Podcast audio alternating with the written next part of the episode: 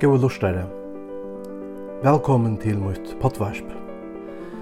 Jeg øyte Jon Hart Jekvansson, og er søknarprestor i Øyes prestakjelte. Om seg sjálvan sier Jesus, Jeg er vevren og sannløyken og løyve. Ønsker kjem til feiren, åtta mi mer. Akkurat støva i fyrir Jesusa, hefur avløykans fylgjer fyrir jokkom. Vi mittel anna praktikon, bibliotøymon og fyrelestron, ikkje tøy vi hesson potvarspe, at varspa jaus og Jesus, og a glei på skapen om han. God sikning.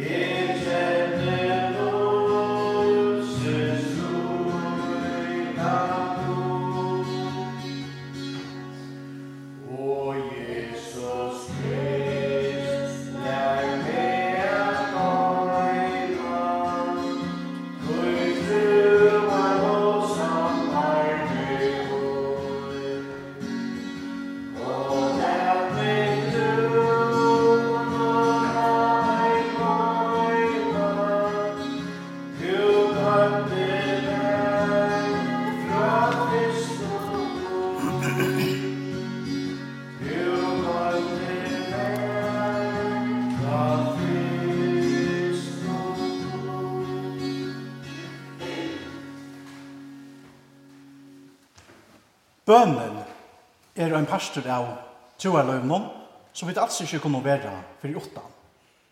Hon er andadrottor til kristne, det er det jeg sier om bønnen. Det er andadrottor til kristne. Åttan bøn kvelast vi andalige. Men Jesus vil at vi skulle leve. Og tog lærer han noen sjolvor å bia. Han til dem sier, kja Matteus, men til at du heldur bøn, ta for innar i kamertøyt, og lett aftur urtøyna og bitle til færtøyn som er i London og færtøyn som ser i London skal gjalda der. Det er røysene stør lyfter knyttet at bønne. Paulus han sier til dømes, vi er ikke størne for nøkron, men lett i øtlån loton troan tikkere komme fram for god, i akatlan og bøn, vi tøkk. Og Guds frigjør som ber av øtlån vite skal varvøyta gjørste tikkere og hoksane tikkere og i Kristi Jesus. Hetta er frukten som vi fåa i løgnekammeren.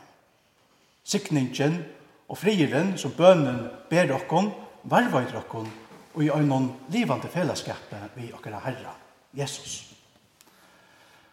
Oppi over skriveborgen som er, her heima, hongra mynd som omma mun brodera i etri i 1988, Nukra er så gjerne. Av myndna hefur hon æsne brodera årene At danskon ser jeg står for døren og banker.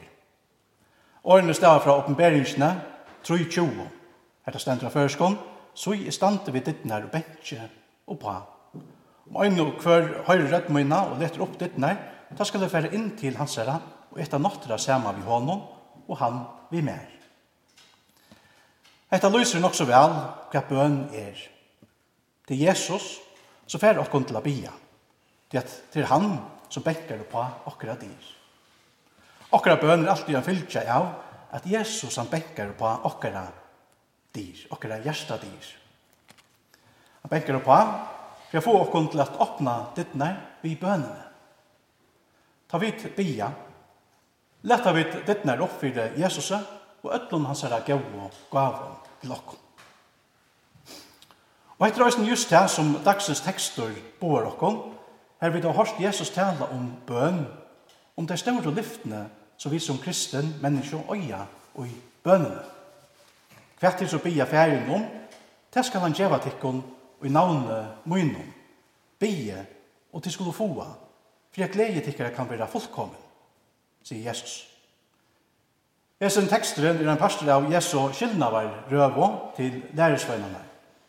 Han taler om det, så for at henta og i nærmest og framtøy i Jesus. Krossfestingen, deie, gravlegging, opprøst og himmelsfer. Alt er okkon at gagne. Jesus trøster lærersvennerne og sier at han skal, han skal ham høyla i en anda da han er borteferd. Etla som han sier i kapittel 14, Kjær Johanse, jeg vil ikke lette at jeg være etter fergeleiser. Jeg kommer til tikkerne sier Jesus. Så Jesus han hugsar om tørra og akkurat tørv og han ser nærvero og i løyvna. Og i sånne skyldene var røv og trøster Jesus tog av viner og sier Øysene tid har han noe sorg, men jeg skal søtje til kun aktor, Og ta skal hjertet til dere gledest, og ønsken skal tekka glede tikkara fra dere, sier Jesus. Etter er en glede som er knyttet til noen opprystende og livande Jesus, som nu er sammen vi og kvendt kvente vi høyla om anda. Jeg vil ikke lette at det kommer etter fengeleser. Som kristen øyer vi til øyne gledene og i hånden kvente i okra livet. Tanken om at Jesus skulle være tidsen fra tøymon, østkjemleie sjølvande lærersvennerne. Men ta hinn opprystende Jesus synte seg livande fyrirtøyra eion, ver gleden, som Jesus talar om, til ein livande veriløyka i løyvnum tja lærersvennom. Og det er den samme djupa gleden og Jesus som to og er i det østene og jeg lot i. Et er en glede som ønsken og ønske kan tekka fra okkom. Tog at henta gleden er sjálf rådfest og i hinnom opprystna og livande Jesus. Og i honom, og jeg vil møyra, enn vi nekrant og ikon og fæta. Sankeren tja Linus Sandell, så vidt det var sunnje, lyser etter så vel. Og Jesus lærte opp munn i eio, at munna okn er suttja kan, i øye fægir, som han sier, han baden sutt aldri gløyma mann. I øye brauer, vi god sæte, som alltid fram og bønne ber, i øye nøye flau, som mæta, som himna kvalve, voja fer. I øye brauer vi og sæte. Hesen sannløyken innebær omettalige negv fri okkom som øye Jesus som okkara herra og frelsara, som okkara brauer. Etta merker jo at vi, vi Jesus har finnje fruja etgångt atlan vegin til Guds sæte og himle. Etta er det som Guds år boar okkom, Da vi leser i samband med Jesu deia krossen om, at forhengje i tempelen om skrattneie i tvei, ur erva og loika nyer i djøkna. Forhengje i tempelen om. Og etter her viser dere at veveren til god nå er åpen for dere nødlom. Jesus er åpen på veien. Det er ikke langt tørvor av sinta offron og blåi av bukken og kalvon for at narskast gode. Det at Jesus er sjálfur et fullkomna syndoffre. Og vi synd løyve, deia, opprøst og himmelsver, hever Jesus gjør okkon ein veg, så fører okkon allan vegin til Guds sett. Kvenn det, kvenn minutt og kvørst sekund og jokkara løyve, har vi et etgang til Guds sett, til jeg vi øya en brauer her, sitant vi høyre hånd Guds, som vi gjøtta og i troa hjartan. Og i Jesus og jeg vet som sagt, meira enn vi nekrant og kunne fæta. Vi honom har vi finnet til, som Paulus kallar for sånne rattar anda. Men han sier i Romera Brannum, det finko sånne rattar anda som vi råper i Abba fægir. Så er stiltala i Jesus sjolvor fægiren, ta han i Gethsemane svarta i blå og bæ Abba fægir alt er gjørlig til her, takk jeg skal fra meg, to ikkje som jeg vil, men som to vil.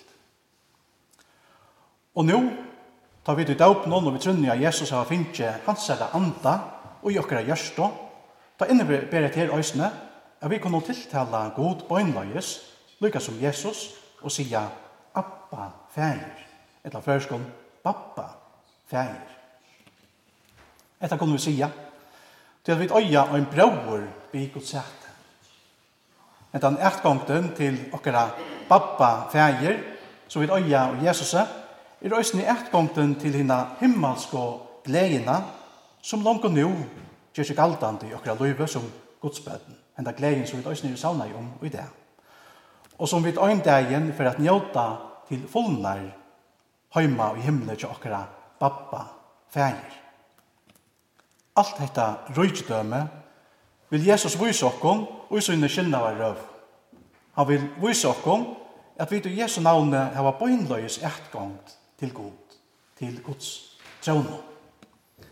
Og etter røysene til som Jesus legger dette, ta han sier, Tann dagen skulle bia i navnet munnen, og jeg sier til kun ikkje at jeg skal bia fjæren fyre til kun, til at fjæren sjolvor elskar til kun, jeg tror at jeg tid av elskar meg Og i kærlagssamband noen vi Jesus, okkara brøver, har et bøynløys etgang til god og hans herra sæte.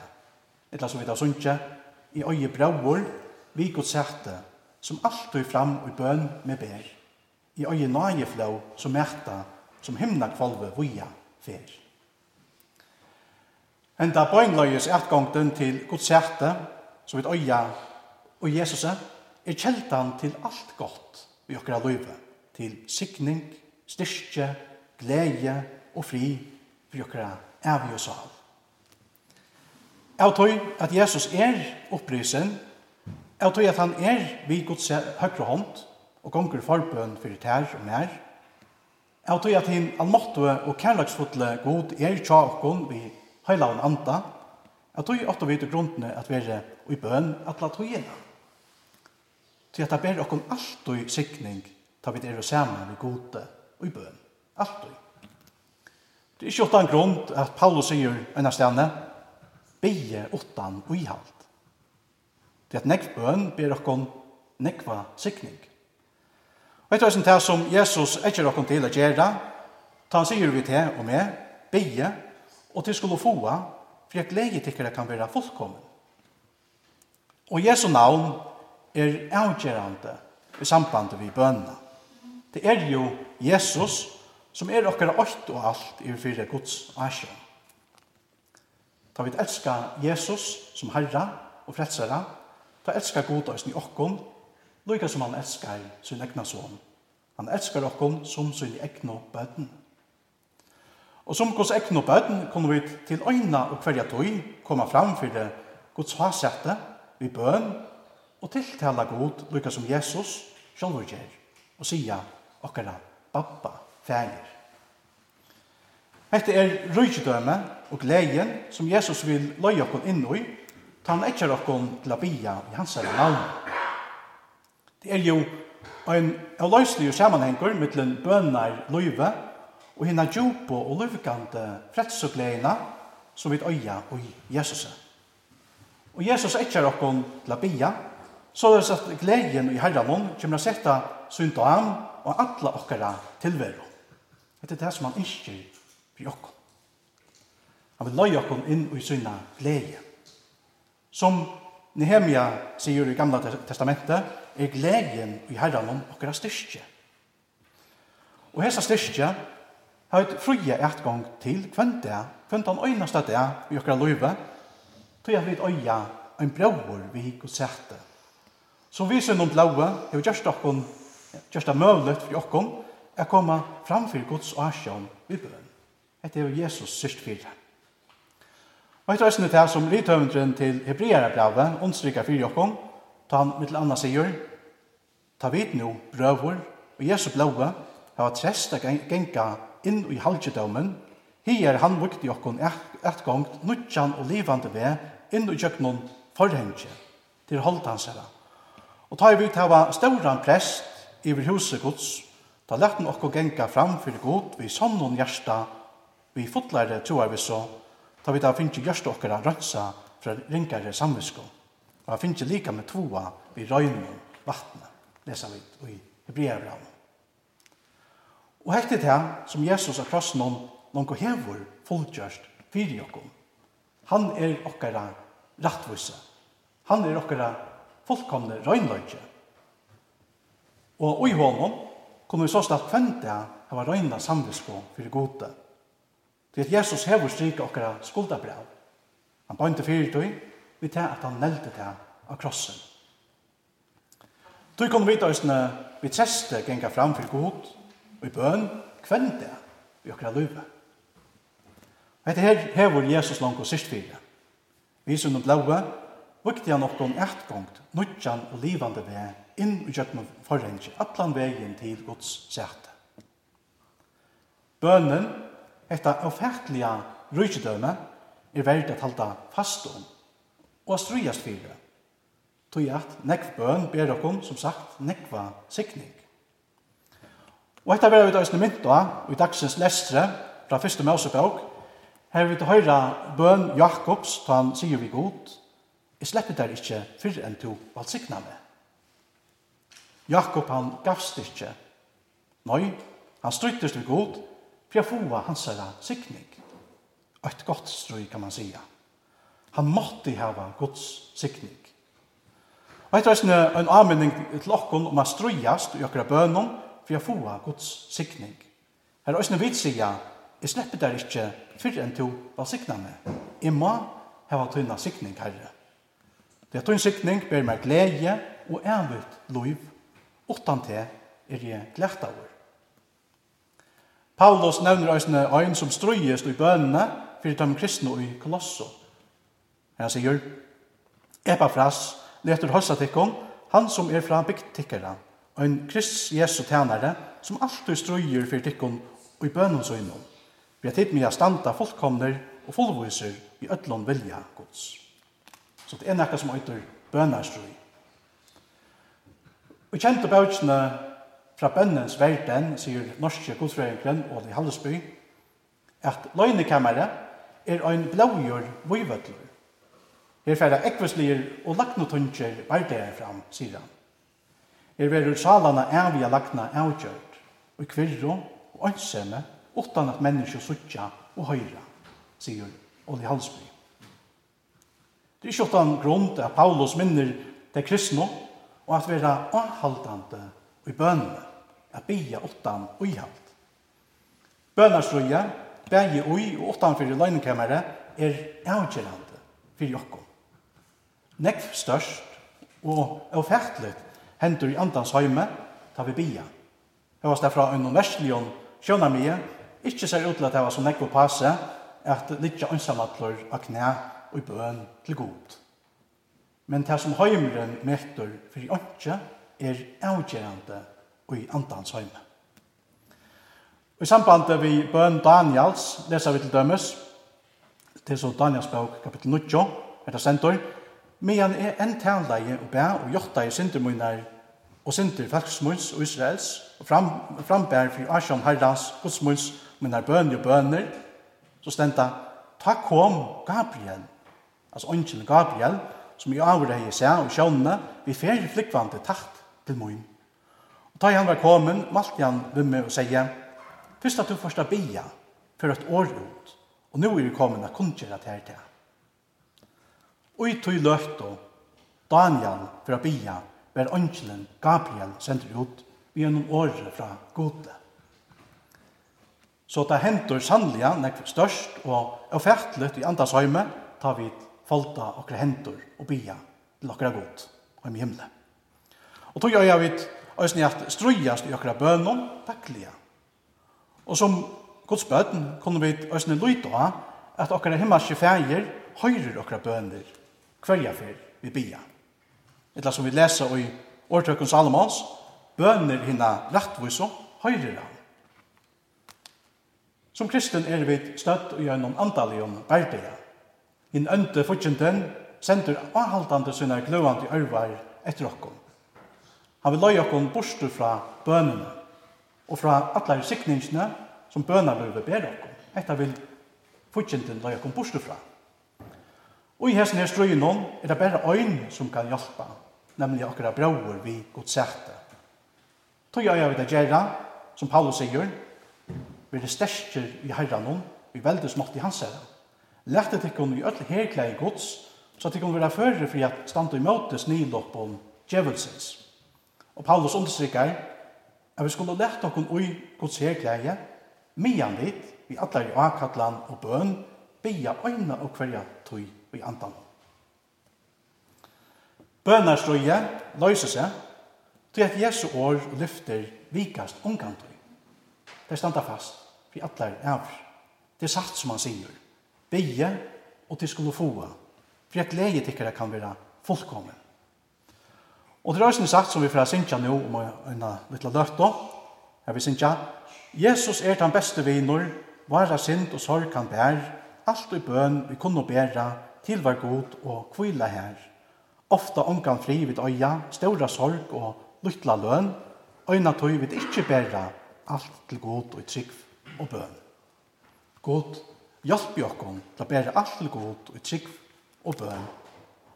Det er hvert han, og i byer han fær, og tann og løytar han finner, og tog jo benker på skal være lagt i oppfyrer.